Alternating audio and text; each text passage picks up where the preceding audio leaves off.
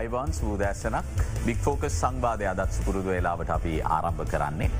දන්නවා මීට දින දෙකට පෙර ශ්‍රී ලංකා පොලිසිය ඉතාම අලුත් වැඩ පිළිවෙලක් ආරම්භ කරා මාර්ග වැරදි සිදුකරන රියදුරන්ට එරෙහිව පියවරගන්න.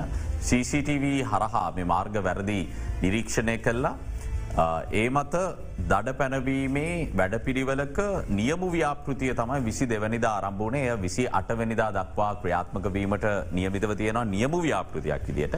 ඉන් අනතුරුව නියමු ව්‍යාපෘතිය තුළ ලබන අත්දැකීම් එක්ක වැරදිත් නිවැරදි කරගෙන මේක ස්ථාවරව ඉදිරියට ගෙනයාම තමයි ශ්‍රී ලංකා පොලිසිය අරමුණ බවට පත්වෙලා තිබෙන්නේ. කොවුණත් මේ වැඩසටන ආරම්භවීමත් එක්ක විධ පාශ විධ අදහස් පල කරනවා විධ පාශවලින් ඉල්ලීම් ඉදිරිපත් වෙනවා යම් යම් සංශෝධන සිදුවිය යුතු බවට. ඒ සියල්ල ගැන අද අපිට සාකච්ඡා කරන්නට හැකියාව තිබෙනවා. අපි කැදවාගත බික්‍ෆෝකස් සංවාදයට රතවහන පාලන හා මාර්ගාරක්ෂාව පිළිබඳ දිසාවේ නියෝච පොලිස්පති ඉන්දික හපුකොඩ මහත්මාව අයිවන් කියලබතුමා පිළිගන්නවා සංවාදයට ඒවගේම අපි ඇරයම් කලා CCTV දිසාවේ නියෝච පොලිස්පති වරලත් විද්‍යුත් ඉංජිනේරු තුෂාර ගම්ලත් මහත්මාව තුෂාර ගමලත් මහත්මාවත් අයිබන් කියල පිළිගන්නවා. මුලින්ම නියෝච පොලිස්පති ඉන්දික හපුගොඩ මහත්මයට මයි යොමුවෙන්නේ දැන් මේ නියමු ව්‍යාපෘතිය සම්බන්ධය නවධානයම කරන්න කලින් මං කැමති මේ කොළඹට පිවිසෙන වාහන ඒත් එක්කම දීර්ඝ කාලයක් මුළුල්ලේ ඔබේ රාජකාර ජීවිතය ඇතුළේ ලබපු අත්දැකීම් එක්ක ප්‍රවේශයක් ගන්න කොයි තරම් අපහසුද මේ මාර්ගයේ සේවය කරන පොලිස් නිලධාරීන්ට මේ මාර්ග වැරදි සම්බන්ධයෙන් බෞතිකම විදියට පියවර ගන්න ඒ අත්දැකීම ගැන කතා කල අපි ප්‍රවේශයක් ගත්තු. ඇත්තටම කලිදු මෝටරත ප්‍රවාණ කොමසාරිස් කාර්යාලේ දෙදස් විසිතුන වර්ෂයේ දෙසැම්බර් තිස්සෙක් කෙනද වෙද්දී වාහන ලියාපංජි වෙලා තිබ අසුතුන් ලක්ෂ අසු පන්දහ පවන. එතකොට ඒ වාහනෝලින් වැඩිපුරම වාහන තියෙන්නේ ජතුරු පැදි. ජතුරු පැදි තියෙනවා හතලිස් අට ලක්ෂයක් පමණ ලියාපංචි වෙලා. තොර එකොලොස් ලක්ෂ අසු පන්දහ පමණ තියෙනවා ත්‍රීරෝධ රත. එතොට මේ අසූ හාරලක්ෂයක්කට අධික වාහන ප්‍රමාණයක් හැසිරීම සඳහා ඒකනි ශ්‍රී ලංකායි මාර්ග පද්ධතිය එක් ලක්ෂ දහනවදා තුන්සී පනා පමණ තියෙන. මේ සඳහා පොලිස් කොට්ටාස හත්තලිස් පහේ පොලිස්ථාන හයිසිය හතක් පිහිටවල ඒ පොලිස්ථාන හයිසිය හතේම රතවාහනන්සොල නිලධාරින් යොදොල තියෙනවා. ඊට අමතරව කොට්ටාස රතවාහන ස්ථාන අධිපති වරුන් යතරේ රතවාහන කොට්ටාසයක් පිහිටවල තියෙනවා දිසාව තුළ රතවාහන කොට්ටාසයක් පිටව. ඊට අමතරවත් යතුරුපැති සංචාර කොට්ටාසයක් තිනවා ICCC යතුරුපැදි දෙසී අනුහතක් පමණ ලංකාවේ ඒ කොට්ටා සාතරිස් පහේම සංචාරය එදී සින්න. ඉති මහිතන්නේ මහජනයා උදෑසන රැකියාව සඳහා පිටවයාමේදදිත් මේ රතවාහන නිලධාරය මාර්ගී සිටිනොත්. එතොට අන්දු මහජනය රැකියාව අවසං කල්ලා නිවසට එද්දිත් මේ රතවාහන රාජකාරි නිලධාරය මාර්ගේ රාජකාරය දිසන තොර මේ නිලධාරිය බැලුවතින් පැෑ විසි හතර මුළුල්ලේ අපට ඉන්නවා රතවාහන ශේෂ්ඨයට නිලධාරීන් නමදස් හයිසීයක් පමණ. තොර මේ රතවාහන හැසිරීම මාර්ගාරක්ෂා සඳහා මේ නිලධාරීන් නවදස් අයිසියෙන් පෑ දොළහක් එකදිකර රාජකාරි කරත් නිලධාරීන් ආර්දස් හයිසියකට ආසන්න ප්‍රමාණය මාර්ගය නැතිසන. ඉති මේක ඉතාමත්ම අති දුෂ්කර රාජකාරය මේ නිලධාරයාගේ උනන්දුව කැපවීම කාරිසූරත්වය මත දෙදස් විසි දෙක වර්ෂයට වැඩිය දෙදස් විසිතුන වර්ෂයේදී මාර්කර යනතුරු ඔලින් තුන්සිය හැටක් පමණ අඩුකර ගැනීමට හැකියාවල් ලැබුණ. ඉති විශේෂයෙන්ම මේ ආරම්භ කරපු විසිදේමනිදා සම්දාදින මහජන ආරක්ෂා පිළිබඳ ගරු අමාත්‍ය ටෙරාන් අලස් මැතිතුමත් ඒවගේම වත්මන් පොලිස්පති දේශපන්තු තිෙන්න්නකෝන් මැතිතුමාගෙත් මූලිකත්වයෙන් විසි දෙවනිදා සමීපරූප ආවේශන කොට්ටාසේ ආරම්භ කරා CCTV දර්ශනෝලින් වැරදි කරන රිදුරන් හඳුනා ගැනීමේ ව්‍යාප්තුතිය. ඒ නියමු ව්‍යාප්තුතිය විසි දෙවනිදා සිට විසි අටවිනිදා දක්වා මේ සතිය තුළ ක්‍රියාත්මක වෙනවා. ඇති ඒක ඇත්තරම ඊයත් සාර්ථකව මාර්ගයේ සිදු කරන වැරදි සම්බන්ධව නඩු එකසිය විසි පහක් පවන සොයාගෙන තියෙනවා. අද දිනේ වෙද්දිත් මේ වෙද්දිත් නඩු දෙසියකට ආසන්න ප්‍රමාණයක් අපි සොවාගෙන තියෙනවා. අද දිනේ කියන මේ ආරම්භ වෙච්ච මධ්‍යම රාත්‍රී දගත්තු ගත්වති එතවට දැම් මේ දවස් දෙක වෙද නඩු තුන්සිය පනහක් විතර අපි සොයාගෙන ඒCCTV දර්ශන හඳුනගෙන ඒගාට මෝටරත ප්‍රහණ කොමසාරිස් කාර්යාලයේ අංකත හඩුවක් පරික්ෂා කරලා ලියාපදිංචි අයිතිකාරු කවුද කියලා ඒ අදාළ පොලිස්ථානවලට පණිවිඩේ යවලා ඒ රියතුරම්ව දැනුවත් කිරීම වැඩ පිළිවෙලක් කරයන. එතොට මේ නියම ව්‍යාපෘති අපි බලාපොරොත්තු වෙන්නේ මේ විසිදවනිදා සිට තන්ඩු විසි අටවිනිද දක්වා කිසිදු වැරද්දක් කරපු රියදුරු මහතයකුට නඩුවක් වෙනවට දඩයක් නියම කරන්න. එතෝට විසි නමය තිය තිස්සක තියෙන දිනෝල මේ ව්‍යාපෘතියේ සාර්ථකත්වය මේ වුණ අඩුපාඩුකම් ඒවගේම තාක්ෂණක මොනොහරි දෝෂ තියෙනවද කියලා පරික්ෂා කරල බලලා එළඹෙන පෙබරවාරි මාසි පලවින්දා සිට මෙය අකුරටම ක්‍රියාත්ම කල්ලා වැරදි කරන රියතුරම්ව නීතීර හැසන හසු කරලා නඩුවක් වෙනුවට දඩියල් ලබාදීමේ ක්‍රමවේදය ක්‍රියාත්මක් කරනවා. එතොට මෙය සමහර මාධ්‍යවලින් යම් යම් උද්ගල ප්‍රචාරය පත් කරනවා යම් කිසි පාස්සුවම් විසින් කරනවා මේ නීතියේ ප්‍රතිපාද නැනෑ මේක නීතියේ ප්‍රතිපාදන තියන මේක මෝට වාහන පනතේ නීති රීතියේ රෙගුලාසි අනුව තමයි ශ්‍රී ලංකා පොලිසි මේක ආරම්භ කරේ ඉතින් පලවෙනි ක්‍රමවේදය තමයි තැපල් කාර්යාලයකට දඩ පත්සිකාවක් ගෙවන්න. දෙවනි ක්‍රමවේදය තමයි රාජ්‍ය ආයතනයට. තුවනි ක්‍රමවේදේ තමයි මේ ඉලෙක්ට්‍රොනික් ක්‍රමවේද ද අපි මේ ඉලෙක්ට්‍රොනික් ක්‍රමවේදය තමයි මේ CCTV දර්ශනෝලින් අපි හඳුනාගෙන කෞදේ වැරද්ද කරන්න පුද දැන්ට ඇත්තටම මේ ක්‍රියාත්මක වනා මීට පෙරසිට. එතොට ඒක ක්‍රියාත්මක වනේ තන්දු සාමාන්‍ය ක්‍රමවේදයට එක මැනුවලි ඒ කියන්නේ අපේ CCTV කොට්ටාසිය මගින් ඒ දර්ශනය ලබාගෙන අපේ ගමන් කතනයකින් ඒ CCTV සවි කරලා තියෙන ඒ අසලන්න පොලිස් නිලධාරයට පනිවිඩේ දුන්නාම පොලිස් නිලධාරී ඒවෙලේදීම ක්‍රියාත්මක වෙලායිවල නඩුව ලබා ගන්න. එතකොට මේ CCTV එකේ සටහම් වෙලා තියෙනවනම් වැඩිදි කරන රියදුරන්ගේ එකසිය පණහත් දෙසීයක් පමණ ඒකෙන් අපි අරදිගන්න තියෙන නඩු හයක් අටක් වැඩිපුරමුණු දහයක් පමණ. තින් අපට දැන්ට එක CCTV දැන්ට කොළඹ ඇතුල් වෙන මාර්ග සෙල්ලෙම CCTV එකසිය පණහකට ආසන ප්‍රමාණයක් සවි කල්ල තියෙනවා.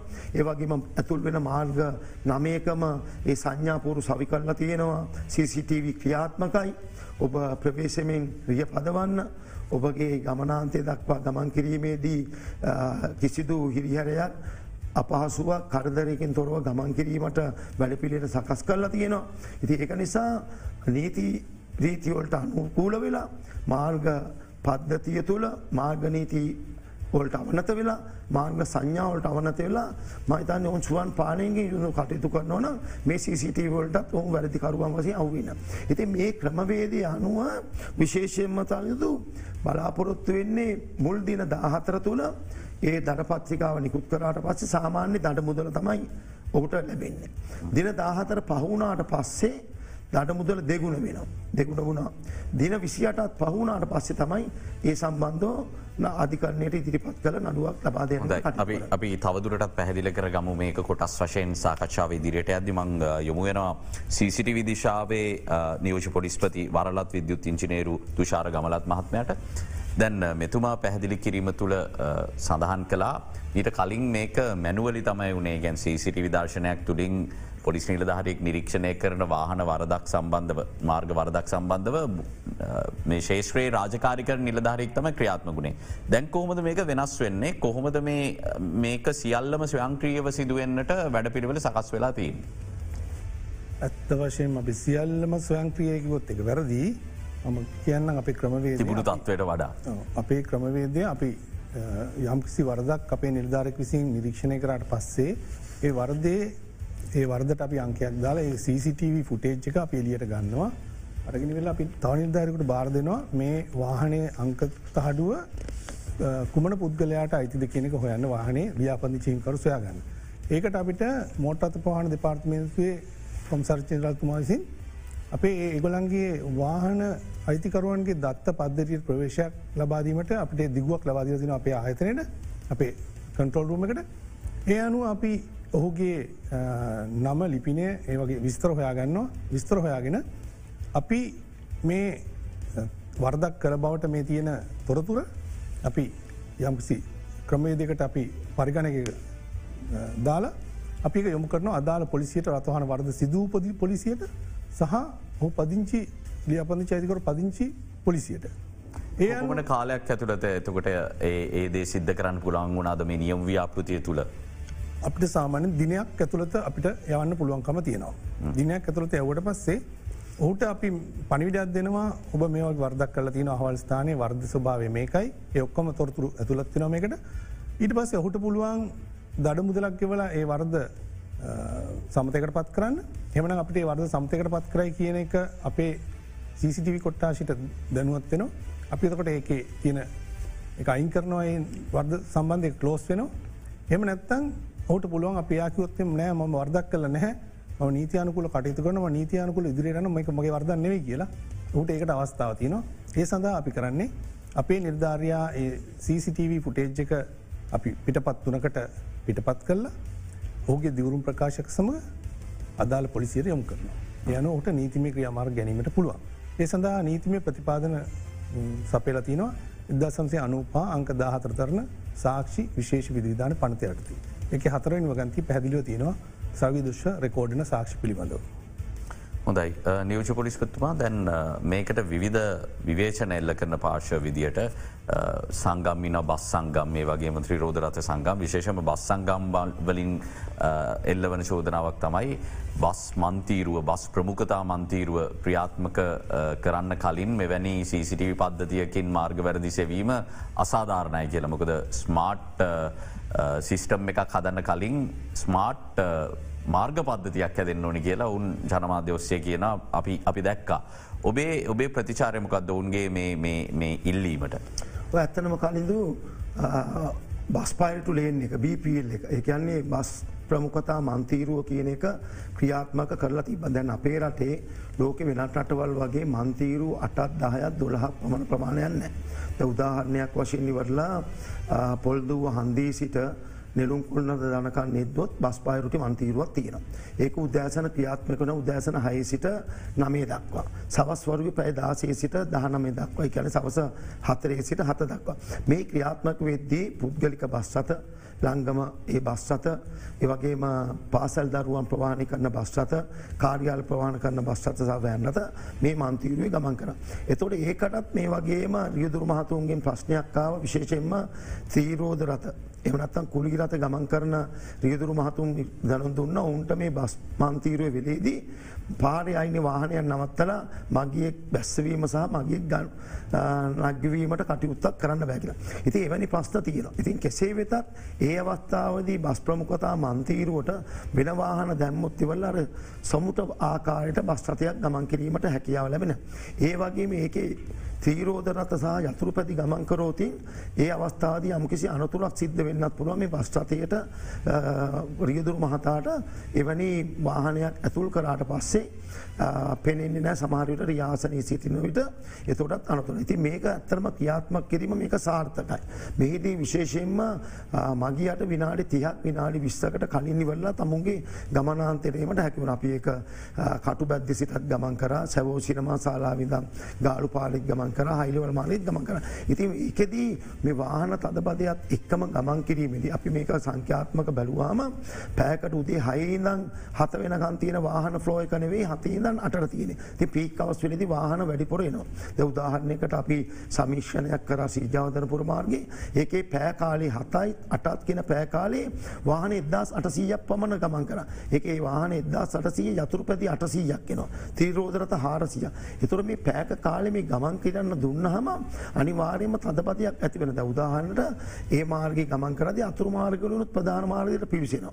ඒවගේම විශේෂයෙන්ම දැන් ආරුවේද හන්දියට එද්දී ආරුවේද හන්දියන පරණ කරන රාජගිරිය බුද්ධම පාරිනුත් වාහන ඇතුළෙන. එතකොට එතන තියෙන මගේ පාලමිනුත් ඇතුල්ලලා ඒ බ්‍රිජ්ජයකූඩිනුත් පාවට පස්සෙත් එතනත් ඉවරලා බොටල් නෙක්කයක් හැදිල වාහන තදපත් ඇතිවෙන.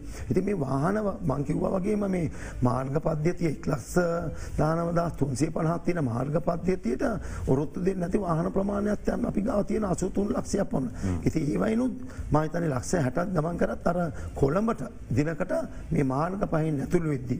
එක ගැන ගාලු පාර ඒවගේම මීගමු පාර ඒවගේ හයිලවල් පාර ශ්‍රීජාර්ධපුර ලක්ෂ පහක පමණ වාහනව ති මේවට ඇත්තරම පාකන් රයිට් සිිස්ටම් එක ඒවගේම පීකවස්වල්දි වාහන තුළු නම ලෝක අනික් කටවල්ලල වගේ ඒවගේම මුදලක් අයකර ගැනීමකම ද මේකෙති අපි බලාපොරොත්තු වෙන්නේ ඇත්තරම රියදුරු මහතුන්ට හිරිහැරයක් කරදරයක් මේ කිරීමනවේ මේකෙද අපි බලාපොරොත්තු වෙන්නේ විනියගරුක ගුණගරුක නීතිකරුක රියදුරෙක් පිහි කිරීම. ඒවගේ අනතුරු අවම කිරීමට දැන් දැනට දිනකට හත් දෙනෙක් අට දෙනෙක් මේ මාර්ගයේ සිදුවන අනතුරුවලින් කමිතු ජීවිතක්ෂයට පත්වෙන. සාමාන්‍ය සාමාන්‍ය එතිරුව මේකෙද අපි බලාපොරොත්තු වෙන්නේ CCTV දර්ශනෝලින් ඇත්තරම රියදුරක්ගේ විනියක් ඇති කිරීම. ඉතින් අපි දැන් ඉදිරියේද අපි බලාපොරොත්තුන මීටත් අමතරව ඔන්ලයින් ඊසිකෑස් පේමන් සිිස්ටම් එක. එතකොට ෂණික දඩ මුදල් ක්‍රමවේදය. ඒවගේම අකුසලතා ලකුණු ක්‍රමය ඩීමරිට් එක එතකොට ඩීමරිට් සිිස්ටම් එකේදී ලකුණු විසිහතරත් දීල තිබිලා. ඒ වැරදි කරලා ලකුණු විසිහතර අඩු නොතින් ඕක රියදුරු පලපත්තය වසරක කාලයක් සම්පූර්ණයෙන්ම කැන්සල් වෙන ඕ නවත රියදුරු බලපත්තය ලබා ගැනීමට කටුත ඉති මෙහිද අපි බලාපොරොත්තු වෙන්නේ කොළඹ නගරයේදී දැන්ට CCTV කොට්ටාසයන්නේ සවි කරලා තියෙන කැමරාවලට අමතරව CCTV කොට්ටාසේ කැන සමීප රූප ආවේශන කොට්ටාසේ ඒ CCTV සවි කරලද වෑන්රතත් තියෙන අපි ගාපහපිද. අපි ද මේක කොළඹ නගරේ කොළඹ උතුර දකුණ මධ්‍යම කොට්ටාස තුනේ කරලා මේක මුරු බස්නාහිර පලාතෙම අපි ඉදිරියේදී සිදු කරන බලාපොරොත්තු. ඊට අමතරව මේක මහනුවර ඒවගේම කුරුණෑගල ඒවගේ අනුරාධපුර ගාල්ල මාතර තියෙන නගරෝල්ටත් කියල මේ අපි ක්‍රියාත්මක් කරන්න බලාපොරොත්තුනම් මේකෙද ඇත්තනම තවත් එකක් පලිදු මහජනයාට රියදුරු බලපත්‍රය ලබාගෙන නඩුවක් වෙනවරු දඩපත්‍රිකාවත් දුන්න සමහරවස්ථාවලදී සතියන්තයේදී මේ සම්බන්ධව ගෙවීමට තැපල්කාරයාල වහල තිබොත් ෝට අප වූ ඒ ගෙවුණු තැන දියදුරු බලපත්ති ලබග නැවතත් වූ එන්න වෙනවා. ඔහුට ඒ දඩ මුදල තැපල්කාරයාට දීලා පොදු එකසි හැත්ත දෙක කියන රිසිට්පත ඇරගෙන නැවතත් දඩපත්‍රිකාව නිකුත් කරපු ස්ථාන්ටවිල තම රියදුරු බලපති ලබන් ද මෙම ක්‍රමවේද අනුව පොලිස්පත්තුමා විසින් ලංකාව තියෙන පොලිස්ථාන හයිසිය හතරම දුර් පොලිස්පති චක්ලේකනයක්. ඒවගේම පොලිස්පත්තුමාගේ නියෝගයක් යමල තියෙන සෑම පොලිතම් මේ සම්බන්ධ විශේෂයෙන්ම කොට්ටාස භාර පොලිස් අධිකාරවලින් ජේෂ්ඨ පොලිස් අධිකාරුවලින් කොට්ටාස රතවාහන ස්ථානාධපතිවරුන් සියලුම රතවාන ස්ථාපතුන දනුවත් කිරි වැඩසටනුත් කරමේ වැඩේ ආරම්භ කරන්න නිස්සන ති මේකෙද නිලධාන සිරු දෙනම් දැනුවත් වෙලා තින ඕනෑම පුද්ගලයකුට මේ CCTV කොට්ටාසයෙන් හඳුනාගන්නා ලද. ඒ වැරද්ද සම්බන්ධ කොටෙජ්ජක යව්වාමේ අදාළ පොලිසියට. එතවට මෝට රත ප්‍රහණ කොමසාරිස්කාරාලින් කෞද කියලා ලියාපදිංචි අයිතිකරු සොයාගන්නවා. ලියාපදිංචි අයිතිකරු සොයාගත් ගත්තාහම ප්‍රමාධයක් වෙන්නේ. එම ලියාපදිංචි අහිතකරු විසින් එම ලියාපදිංචිය සනාත කරලා නැත්නම් තමන්ට ඕපන් පේපස් බාරදීල තියෙනවන තම වෙනෙක් කෙනෙක් අතර ගහම සොයාගන්නද. ඒත් දන්ගේ ඒ ඒ ප්‍රශ්නයත් ගත්තොත් එල්ල වෙන අහන ලොකුම ප්‍රශ්නයක් කිවත් හරි දැන් මේ ලියාපදිංචි අයිතිකරුට නම් දඩ කොලේ එන්නේ. බොහෝ විට ඒ වාහනය ඔය ඔය කියන විදිට ඕපන් පේපස් වල තියෙන වාහනයක් වෙන්න වෙන්න පුළුවන්. සමහර විට විදේශකතවීමකදී තමන්ගේ මිතුරෙකුට හෝ ඥාතියකුට දීලගිය වාහනයක් වෙන්න පුළුවන්. ද බස්සිමියනුත් කියනවා රියදුරා කරන වැරද්දකට මේක අයිති බස්සිමියට දඩකොලයක් කෙන එක අසාධාරණය කියලා ද මේ ප්‍රයෝගික ප්‍රශ්ටිකට කොහොමද පිළිතුර ඇතරම කලිදු මේ පායෝගගේ ප්‍රශ්නටිකත් මේ වාහනොල අයිතිකරුවන් විසින් නීතියානකූලෝව ඒ සකස් කර නොමැති නිසා. නැත්තම් මෝටර්වාහන පනතේ දෙදස් නම අං කටදන්න මෝටවාහන සංසෝධන. පනතේ වගන්ති එකොලා සංසෝධනය ප්‍රධාන ප්‍රඥාප්තියේ දොළොස්වනි වගන්ති අනුව තියෙනවා වාහනයක් තමුන් විකුණුවන වෙනයම් පුද්ගලෙකොටේ වාහනේ විකුණමවානං දින දාහතරක් ඇතුළත ඔහු විසින් මෝටරත ප්‍රවාණ කොමසාරිස්තුමාට වහම දැන්වී යුතුයි. එමනත්තන් ඒ සම්බන්ධව දඩයකුත් තියෙනවා ලියාපන්දිච්ච අයිතකරු විසින් මිලිදී ගනු ලබන පුද්ගලය අයි දෙපාක්සේම වගකීමක් තියෙනවා එකන්නේ කලද ඔයා මට වාහනයක් වික්කන ඔයාටත් වගකීමක් තියෙනවා. මෝටරත ප්‍රවාණ කොමසාරිස්තුමාට දැනුම් දුන්න. පිසියාකාරව පවරත් එතවට පවත්තා ගැනදි මගෙත් වගකීමක් තියෙන මම ඒක මගේ නමට සරවගේ නැත්තම් මම හරවගත් ගත්තේ නැත්තන් ඒ සම්බන්ධව වරදක් කරලා තියෙන එම වගන්තීම තුන ආයකේ රුපියල් තුන්දහත් රුපියල් පන්දහක් මේ හයදහ දක්වා දඩ මුදලකට ඇත්වත්වෙනවා. එහෙමත් නැත්තන්නේ දින හතලි සතරක කාලයක් ඒකන මාස එකමාර් කාලයක් දීලා තියෙනව තවත් ඉවරලා මොටර් වාහන පනතනුව එහෙම නැත්තන් දඩ මුදල දිනකට රුපියල් සිය ගානය අයවිතු. එතකොට මේ CCTV දර්ශනෝලින් ක්‍රියාත්මක් කරන එක ඇත්තරම මේ වාහනෝල අයිතිකරුවන්ගේ කරන වැරදි හඳුනා ගන්න පුළුවන්. දැන්ට මුල්ම මෝටරත් ප්‍රවාණ කොමසාරිස් කාරයාලි ලියාපදිංචි වෙලා තියෙන වාහන මංකිව වගේ ඒ අසූතුන් ලක්ෂ සුපන්දාහෙන් සීයට දොළහ පහළුවක් පතර තියෙන ඕපන් පේපස්. එතොට ඒ කට්ටියත් මේ වර්ද සිදු කරන්න.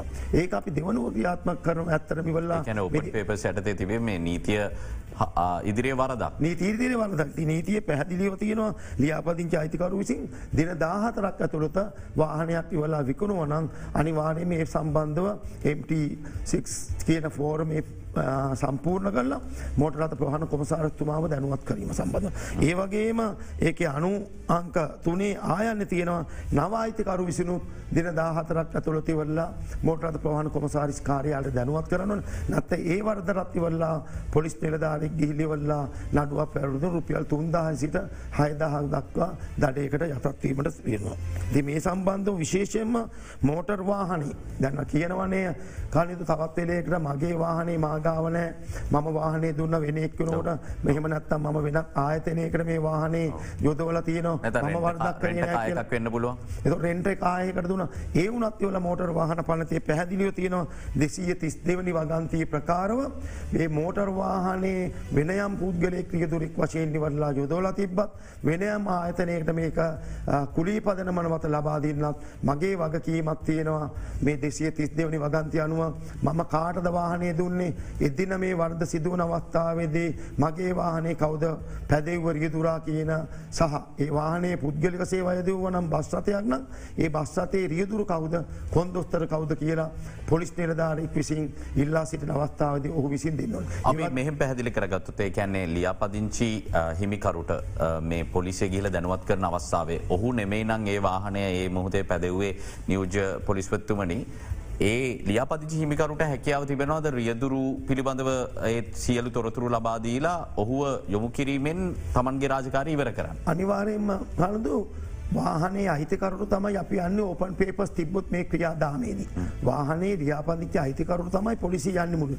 එතොට යා කියන්න පුළුව ම මේක දැන් මාස පහකට හයකට ඉස්සල්ලා මේවන. එතොට ඔහු ගාව තොරතුරු තිබිය යුතුයි කාටතම මේ වාහනේ විකුරල තියන ඔපන් පේපත්තිබ එහෙම නැත්තම් වෙන රියදුරෙක් යෙදවුණ දැන් සමහරවත්තාට මේක CCTV දර්ශනොලින් කොළඹදි තමයි මේ වර්ද සිද්ධ වෙන්නේ. එතොට මේ වර්ද අනුරාධපුරට යවල අනුරාධපුර පොලිසිය මගින් රතවානන්සේ නිලධාරික් මේ රියාපදිච අයිතිකාරුවාවදන. එතොට ඔහුයි බැඳී සිටිනවා එදින මේ වාහනේ පැදවූ රියදුරා කවුද එමනත්නම් බස්සතයන්න රියදුරුසා කොන්දොස්තර කවද කියලා පොලිසියට තොරතුර ලබ.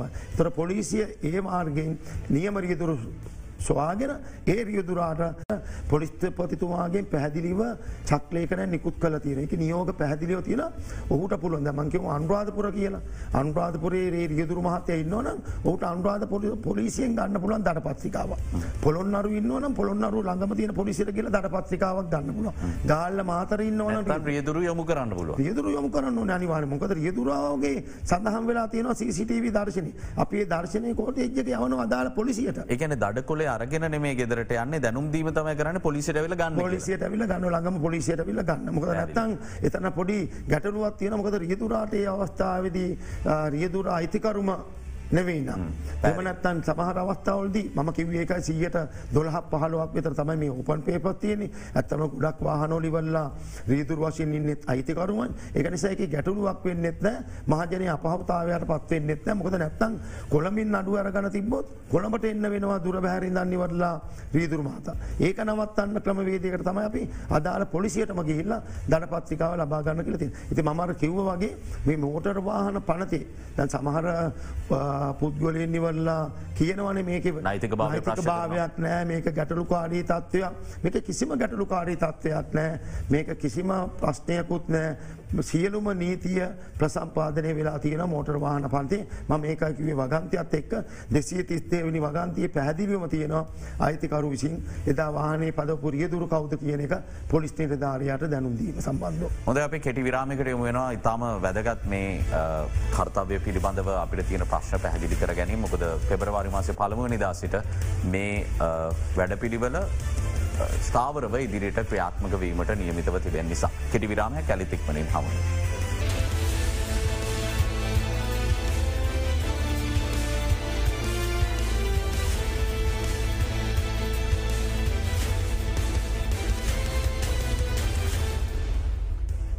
හමුණ. යළිත් බික් ෆෝකස් සමගින් ම විරාමෙන් අනතුරු යොමුවෙන්නේ CCTV දිසාවේ නියෝච පොලිස්පති තුෂාර ගමලත් මහත්මයට දැන් මේ සම්බන්ධයෙන් කියවද්දි අපි දැක්ක දෙයක් තමයි බොහෝ කාලයකිදම් මේ CCTV පද්ධතිය තිබිල තියෙනවා නමුත් මේ මෙහෙයුම ක්‍රියාත්මක වීම තමයි ආරම්භවීම සිදුවනේ විසි දෙවනිදා. ඇයි එපමණ කාලයක් ගතුනේ සහ මේ CCTV පද්ධතියට අලුතෙන් ඔබතුමාලා එකතු කරාද මේ තාක්ෂණය යවත් කාලින වීමක් වුණා ද මේ ගැන කතාකරොත්. කලින්ද මුලින්ම කියන්න ඔබ ඇහුව ප්‍රශ්නයක් මෙතුමාගින් අපි ස්මාර්ට් මාර්ග පද්ධතිය නැතුව ස්මාර්ට් සිිස්ටම එකට යනවද කියලා. ඔබ කල්පනා කරන්න ස්මාර්ට් සිටි ස්මාර්ට් සිටි කන්සෙප් එක සේප් සිටි කන්සෙප් එකට යන්න මේ දිගු ගමනක් යන්න අපි දවසකින් පටගරන් කරන්න බෑ. අපි මේ පනතැවිලතින එදදාසම්සය අනු පහේ. එත අද අපි දෙදස් විසි හතරේ. එතර අපි යම්කිසි තැනකින් පටන් ගැම්මත් තිබිය යුතුයි.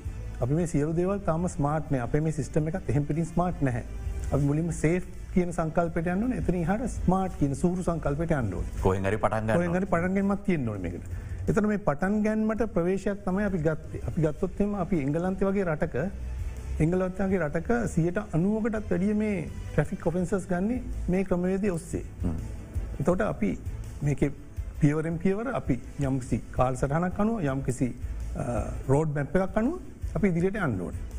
තර මේ CCTV පද්ධතිය පටන්ගත්තේ දෙදස් දහයේ LTT කුරිරු ත්‍රස්තවාදය අපේ ජනතාව අපේ ජීවමනශ ජීවිත සහ දේපල ආරක්ෂකර ගැනීමේ අරමුණ අත්මතාර්ථය ඇතු. නමුත් දැන් අපිට පස් අපි මේ පටන්ගන්කට දස්ථයි මත යුද්ධ වරුණ පටන්ගන්නකොට ඊට පස අපි ගොඩක් යදෝගත්තා මේ මාර්ග නීති උල්ලංගනි කරන්න නිරීක්ෂණ කල දර පත්‍රිකා දෙන්න. එකට මෙතුමකිවගේ මැනුවල් කමේදයක් අන්ගමනි කරේ. ඊට අමතර මේ පද්ධතිය ආරක්ෂාව සැපුව. මේක මේ පද්ධතියකින් අප වෙනදේ ගත්තොත්තේම මේ පද්ධතියකින් අපරාධකරුවක් අපරාධයක් කිරීමට පෙළඹීම වැලක්වීම අපිට අපිට අපිට සංකයාමය වශයෙන් ගන්න පුළුව නෑ ඕන කෙනෙ දන්න සෑම විටම ආවේක්ෂණයක් තිය ආවේක්ෂණ තියන කියල. තර අපරාධකරුව අපරාධයක් කිරීමට පෙළඹීම වැලක්වෙන අපි මේ කතාගන රාත්‍රී කාලේ බීමත්‍රිය දුරන් හිට්ටන් රන් ගැන කතා කරන මේ සියල්ලට බියක් ඇති වෙනවා. ඊට අමතරව අපරාධයක් සිදු කළොත් අපරාධකරුව හම්බා යන්න අපිට මේකින් ලොකු පිටු හලක් කම්බෙනවා. මේක තවදුර දියුණු කරන්න ඒවගේ පිටුහලක් කම්බෙන. ඉලන් අපි ස්වභාවික හෝ ප්‍රස්තවාදී වියසනයකද ෂණිකව ක්‍රියාත්මකීමට මේක ලොකු උපකාරයක් කෙන. ඊටත් අමතරගත් එම යම් කිසි අපරාධයක සාක්ෂි මෙහෙවීමට මේක ප්‍රතිඋත්පාදනය කරනලද වීඩියෝ රෙකෝඩන සාක්ෂි උපයෝ කරගන්න පුළුවන්. ති මේ කර්තවයන් සියල්ලම පසුගේ කාලෙ කර අපි ගත්තොත්තිම අද දක්වා අපි මේ මැනුවල් ක්‍රමවේදය අනුව මේ වගේ ඔටෝමේට සිිටම එකක් නැතුව අපි එක්ලක්ෂ දාහතරක් දහක් සමඟ පමණ ප්‍රතවාන වැරදිවලට දර පත්තිකා නිකුත් කල දී එක්ලක්ෂ දාහතර දහසක්ෂ දස් දහයිනගත් දස් දහිදල ගත්තු.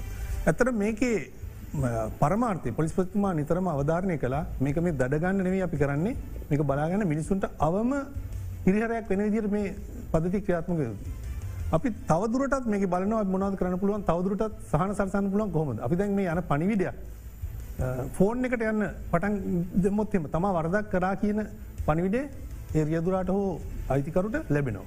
පිදුරට අයිතිකරුට ලැබෙන.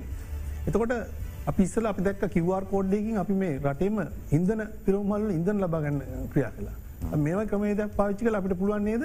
මේ රතවාන වැරදිකරුවන්ම දැනුවත් කරන්න මේ ක්‍රමේදයට සමගාමීව දැනුවත්න ඇතුට ම වැරද තින ම මෙමදයක් වෙලා තින සයන් විනයකුත් ඇති විනයකුත් ඇතියෙන ඊට අමතරව ඉදිරි බලපොත්වන ඕනම් පොලිස්ථානයකි ඒක තාම අපි මේ අපි මේ ඔක්කම කරන්න මේ අපි මේ කතා කරන්න මේ පිට කවරගෙන මේක ඇතුළ තිරේ පිටිපස අපි කරන දේකන අපිට මේ අපිට හරි ක්‍රමවේද තිබන ම දෙකල තින කොරියාව දකුණු කොරියාවේ කොහොමද මේ ට්‍රික් කොෆෙන්සස් ගන්න කියලා.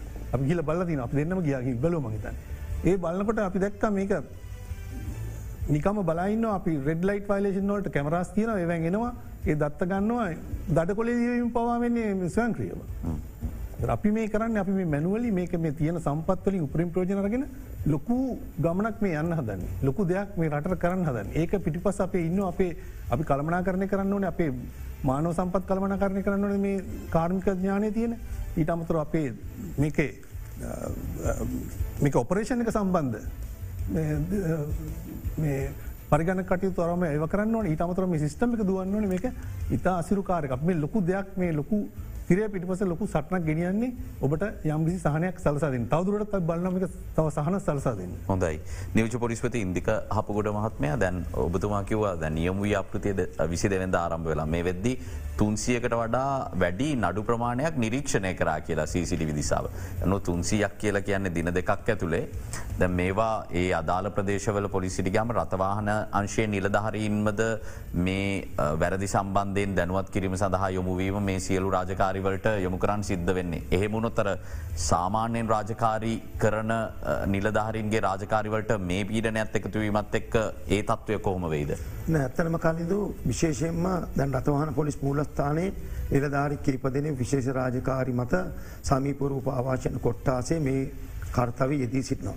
මේක ඇත්තටම රතවාහන නිලධාරයට අපහසුවක් වෙන්න මොකද අපි මේ ගන්න CCTV දර්ශනයෙන් ගන්න ඡායරූපය අපි එවෙලෙන්දිව මොකද අපි ලිංකයක් කරන්තින මෝට රත ප්‍රවාණ කොමසාරිස් කාරයාලින් ඒකෙන් අපි බලාපොරොත්තු වෙන මේ වාහනය අංකතාඩුව කෞද මේ නියම ්‍යාපංච අයිතිකරුට. එතුර ඒ අපි මේ සම්බන්ධුව සියලුම පොලිස්ථාන ජාලගත කොරලා තින වපෙන් ජාලිය.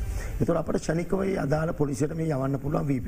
එතුර වපෙන් එක ක්‍රියා කරන නිලධාරයනුත් අපි දැනුවත් කිරීම් කරලා තියෙන. තොරේ නිලධාරය ෂනිකව මේක දෙනවා මේ පනිවිඩ. එතවට මේ සම්බන්ධව රථවාහනන්සේ කියන නිලධාරීක් අවශ්‍යන්න. උදෑසන යනවන ඩේ පැට්ටෝල් යනවන ඒ නිලධාරයට මේක දැනුවත්වන පුළ මොකද මේ මෝට්‍ර පාහන පනති තියෙන්නේ ඒ වර්ද සම්බන්ධව සම්පූර්ණ නිලෑඳුවේ නැඳගත් පොලිස් නිලධාරයට රාජකාරි කරන්න පුළුවන්.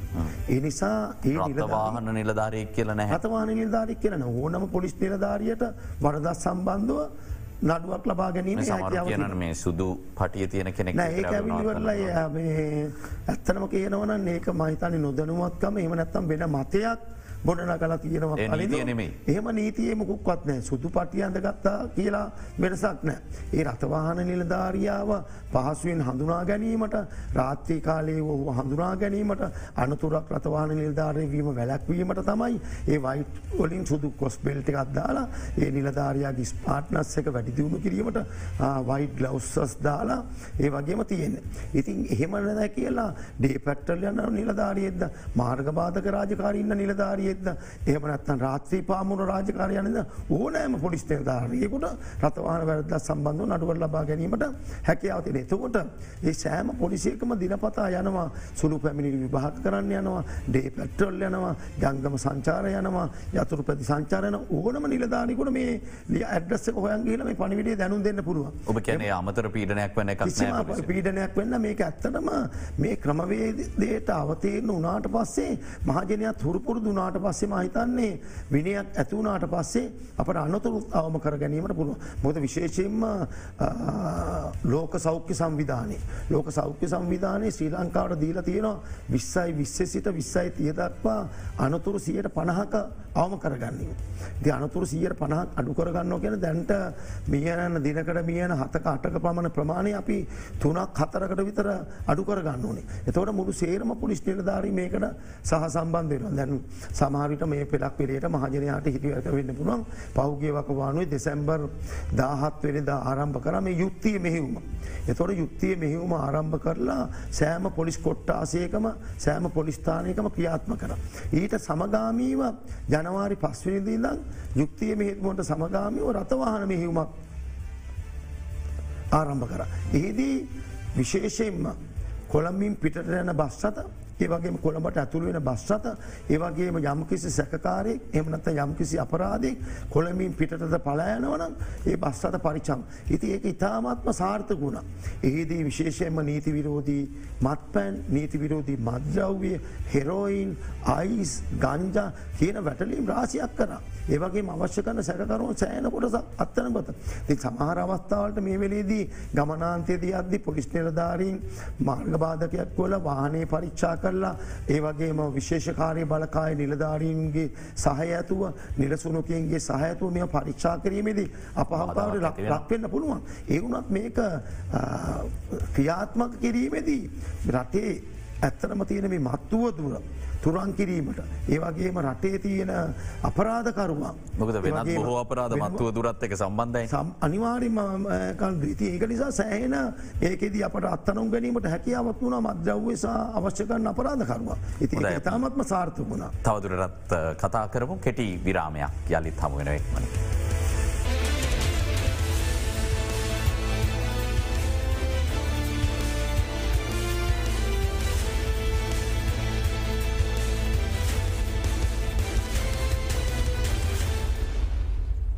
යළිත් බික් ෆෝකස් ම නියෝජ පොලිස්පති ඉදික හපුගොඩ මහත්මයට යොමුවෙන විරාමෙන් අනතුරුව දැන් මේ නෛතික භාවය පිළිබඳව විවිධ අය ප්‍රශ්න කරා විධ ඉල්ලීම ඉදිරිපත් වුණා මේ සියල්ලත් එක්ක මෙහි නිවරදිම නෛතික තත්ත්වය පරීක්ෂා කරන්න නීතිපතිවරයා සමග යම් කිසි සංවාධයක් තිබුණාද.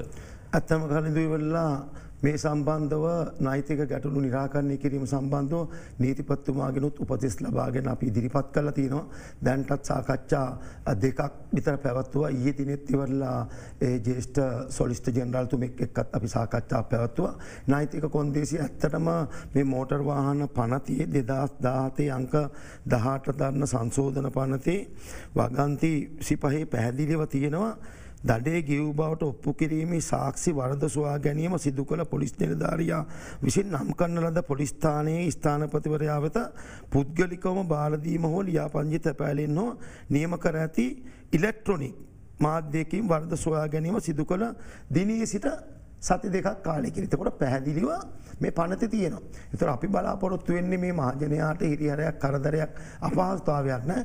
වර්ධ කරපු දිනේ සම්බන්ධව අපරාධ නඩු විධාන සංග්‍රහයේ මුල් තොර තුර තියනක වගන්තය එකසිය නමේ පැදිලිව සඳහම ඒ නිවරදකරුවන් තලා පෙලීම සිදුවෙන්නේ නෑ. එකක් කනදවල නිවැරදිකාරයකුට තලා පෙලන්න අවශ්‍යතාවයකුත් නෑ. වර්ධ සම්බන්ධව ඔහුට අපි ඉදිරිපත් කරාට පස්සේ CCTV වීඩියෝ දර්ශනය. ඔහු ඒ සම්බන්ධ අකමැතිනම්. නඩුවක් වෙනවට දඩ පත්‍රිකාවල් ලබාගන්නත්නම් ඔහුට අධිකරණය සහය පතාගෙන යන්න පුළුවන්. ති මේ ක්‍රමවේදය තියන්නවල්ලා කලඳු දින දාහතර දක්වයිවල සාමාන්‍ය දඩ මුදල එතොරේ සෑම පොලිස්ථානයකම ඔහු වාර්ද හඳුනා ගත්දිනය සිට ඉදිරියට දින දාහතරකට දඩ පත්‍රිකාව දෙන ඔහුට එතොට සාමාන්‍ය දඩ මුදල දින දාහතර දක්වා දින දාහතර පැන්නට පස්සේ දින විසියට දක්වා දඩ මුදල දෙගුණන දින විසියටනුත් පස්සේ තමයි නාදිකරන අධිකරණය. ඉදිරිපත් කරන කන්දයි. ගමලත් මහත්මය අවසාන වශයෙන් මේ තත්ත්වය පිළිබඳව ජනතාව අනුගතවීම හරහා එයින් ලැබෙන දීර්ඝකාලීන ප්‍රතිලාභ පිළිබඳව කතා කරලා අපි සංවාධය අවසන් කර. ඔව කලින්දු මේකේ දීර්ඝකාලිම වගේම කෙටිකාලින් ප්‍රතිලාව රාශයක් ලැබෙන ඔබ තන්න පිටට ඉදරන්න ශ්‍රී ලාංකික ගැනිතන් අවුරුද් දෙක් පිටට ඉදර ලංකාටම ඔහු කියන මේ පාර එලවන්න බෑමට කිය ඔහු මානසික ආතතින් එලවන්න. හට එලවන්න බෑ. ලොකු මේ ආපු දින කීපේ ලංකාවීනටික ඔහු විශාල මානසික ආතතියක් ඇති කරගන්න. ඉලට ඔහු ගමනාන්තය ගමනාන්තයට යන්න ගතන කාලේ. අර ඉස්රයින් දාන කට්ටිය නිසා එගොල්ල ත විනාඩි පාක් ඉස්සල්ලා පැයක් පහුවෙන අනිත් කට්ටියගේ ගමනාන්තයට යම් මේ කාලේ. ඉති මේ වගේ දේවල් ඊට අමතරෝ අපි මේකින් වෙන මේ දුම්මාරය පිටවීම මේ ඉන්දන දහනය මේ හැම දෙයක්ම අපේ සල්ලි. ඉලට මේකින් වෙන අපි දේපලහානියක් වෙන එනක ඉළඟට අපේ ජීවිතහානි වෙන මේ හැම දෙයක්ම මේක ලැබෙන දීග කාලන ප්‍රතිබා ප්‍රතිලාබ ඊට අමතර අපිට විදේශිකෙක් මේ රට එන්නේ. ඇත ආයෝජ්‍යක මේ රට එන්නේ. ඇයි? අපේ රටේ විනිවිධ භාවයෙන් තියෙන නිය නියමිත වූ මේ ක්‍රමවේදයක් මේ රතවාහන මාර්ග පද්ධතිීද තියෙන නිසා. හොඳ මේ අතම අපේ ප්‍රතිලාබ. හොදයි ලංකාවේ මාර්ග පද්ධතිය තුළ රියදුරන්ගේ විනය ඉතාම ප්‍රශ්ගත තැනක තියෙන බව මහිතන පාරිගිය ඕනම කෙනෙක්ට තේරුම් ගන්නට පුළුවන්. ඒ ගැන කිසිම කතා දෙකක් නැහැ. නිසා මේ විනය නිවැරදි විය යුතුයි. විනය විරෝධී රියධාවනය හැකි තරම් අවම කරගත යුතුයි කියන කාරණාවත් එක්ක මුළුමාත් ශ්‍රී ලංකාවම එකඟ වෙනවා. ඒ අරමුණට යන්නට සකස්කරපු වැඩ පිළිවෙලක් මේ වැඩ පිළිවෙල තුළ මහජනතාවට සහ ශ්‍රී ලංකා පොලිසියට යම් කිසි ආකාරයක මුහුණ දෙෙන අභියෝගත් එක කතාබහ කරල වෙනස්කම් ඇතිකරගන්න පුළුවන් තැන් එයි. නමුත් මහිතන රටක් විදියට මේ මාර්ග විනය ඇතිකර ගැනීමේදී ඉතාම සාධනය තැනකට යන්නට පුළුවන් වැඩ පිළිවෙලක් බව පෙනෙන්න්නට තියෙනවා කියලත් නිරීක්ෂණය වෙන අබෙහිවින්ම සූතිවන්තයන නියෝජ පොලිස්පතිවරුන් දෙදෙනටම අද අපේ ආරාධනාව පිළිගත්තාට ඉතාම වැදගත් ඔබතුමන්ලාගේ පැමිණීම මේ තත්වය පිළිබඳව ජනතාවට පැහැදිලි කරන්න. ඒ සමගින් අපි සංවාධයෙන් සමුගන්න හැටත් හම මුසපුරුදු වෙලාවට සුපදිනය.